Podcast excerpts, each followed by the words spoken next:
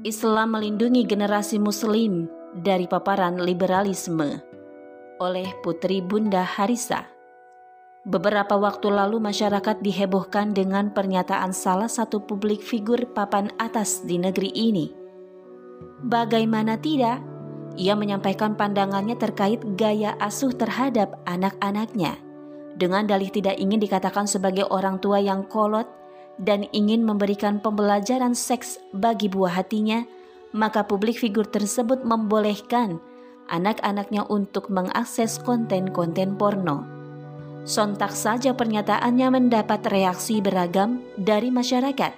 Salah satunya dari Susanto, Ketua Komisi Perlindungan Anak Indonesia. Seperti yang dilansir detik.com, Susanto mengatakan bahwa konten porno adalah konten berbahaya dan memiliki dampak negatif yang serius bagi tumbuh kembang anak.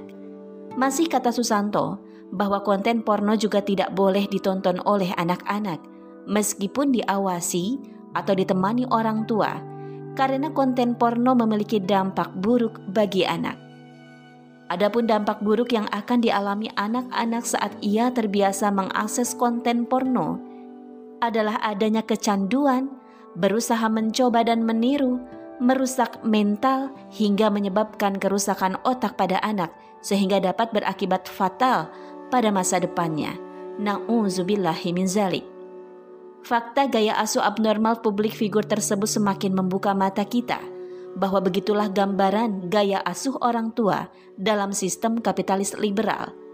Orang tua lebih nyaman mendidik buah hatinya dengan mengedepankan pemikiran-pemikiran bebas, atau liberal yang jauh dari nilai-nilai Islam dan bisa saja gaya asuh seperti itu tidak hanya dilakukan oleh sang publik figur tetapi diadopsi juga oleh orang tua lain di negeri ini. Gambaran gaya asuh abnormal tersebut tentu membuat kita miris. Karena gaya asuh yang mengarah kepada nilai kebebasan dan menjauhkan generasi muslim dari pemahaman agama sejalan dengan agenda Barat dalam mengaruskan paham liberalisme dan budaya hedonis permisif di negeri-negeri Muslim. Dan tentu saja, sasaran mereka adalah generasi Muslim dan keluarga Muslim.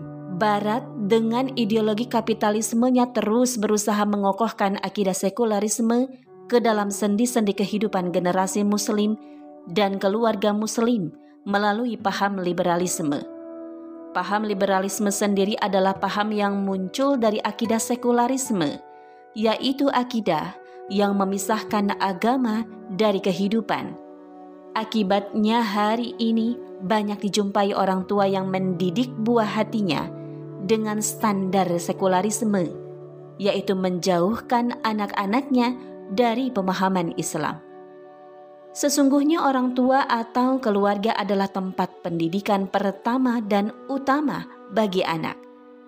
Orang tualah seharusnya yang bertanggung jawab dalam menjaga buah hatinya dari pemikiran-pemikiran bebas yang dapat meracuni buah hatinya sebagai upaya menjaga masa depan mereka.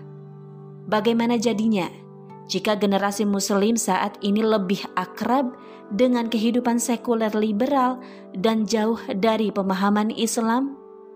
Bagaimana jadinya jika generasi Muslim dibiasakan dengan konten-konten porno atau konten vulgar demi mengikuti budaya Barat dalam mengedukasi seks? Justru kehidupan sekuler liberal itulah dalang dibalik maraknya tindak kejahatan seksual, seperti pelecehan seksual, kekerasan seksual, penyimpangan seksual, hingga menjadi pelaku free sex. Bahkan hingga hari ini, Barat dengan akidah sekularisme dan paham liberalnya gagal dalam menekan kasus-kasus kejahatan seksual tersebut.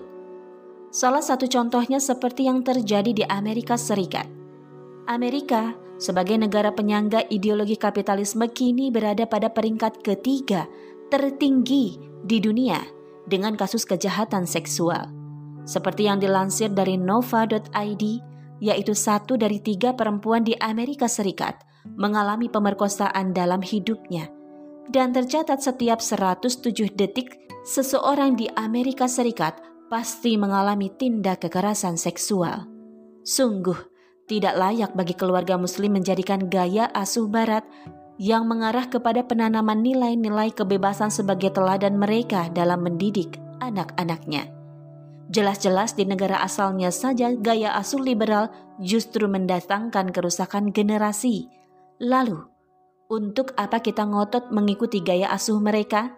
Islam sebagai sebuah ideologi sungguh rinci mengatur segala permasalahan dalam seluruh perkara kehidupan. Begitupun dalam perkara menjaga dan melindungi generasi dari kerusakan akibat paham-paham menyesatkan di luar Islam.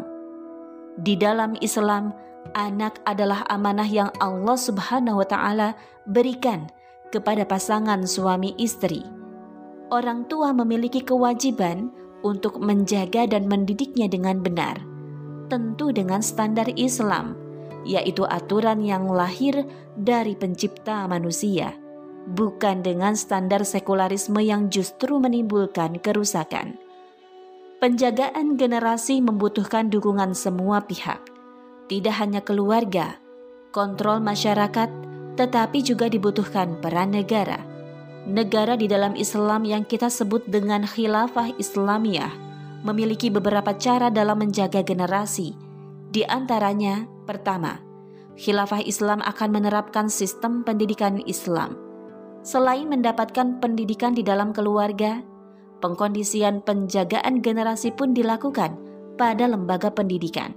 Dengan diterapkannya sistem pendidikan Islam, maka lembaga pendidikan dalam sistem Islam bertujuan untuk membentuk generasi yang bertakwa dan berkepribadian Islam, sehingga akan melahirkan generasi yang menjadikan keimanan sebagai pondasi dalam mengarungi kehidupan.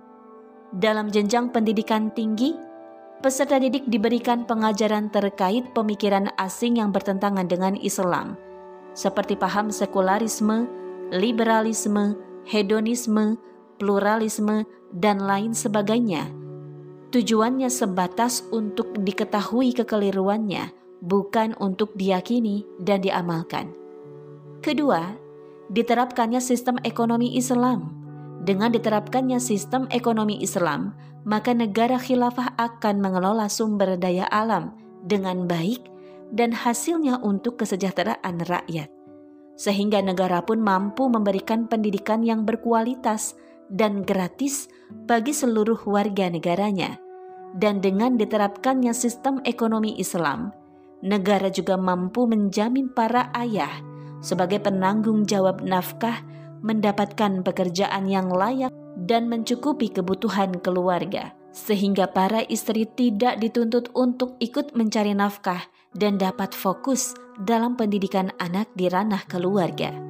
Ketiga, khilafah Islam menerapkan sistem pergaulan Islam. Dengan diterapkannya sistem pergaulan Islam, tujuannya adalah untuk membentengi generasi Muslim dari perbuatan maksiat, seperti pergaulan bebas, tindak kekerasan, mengumbar aurat, dan meniadakan makanan serta minuman yang dapat merusak akal dan fisik.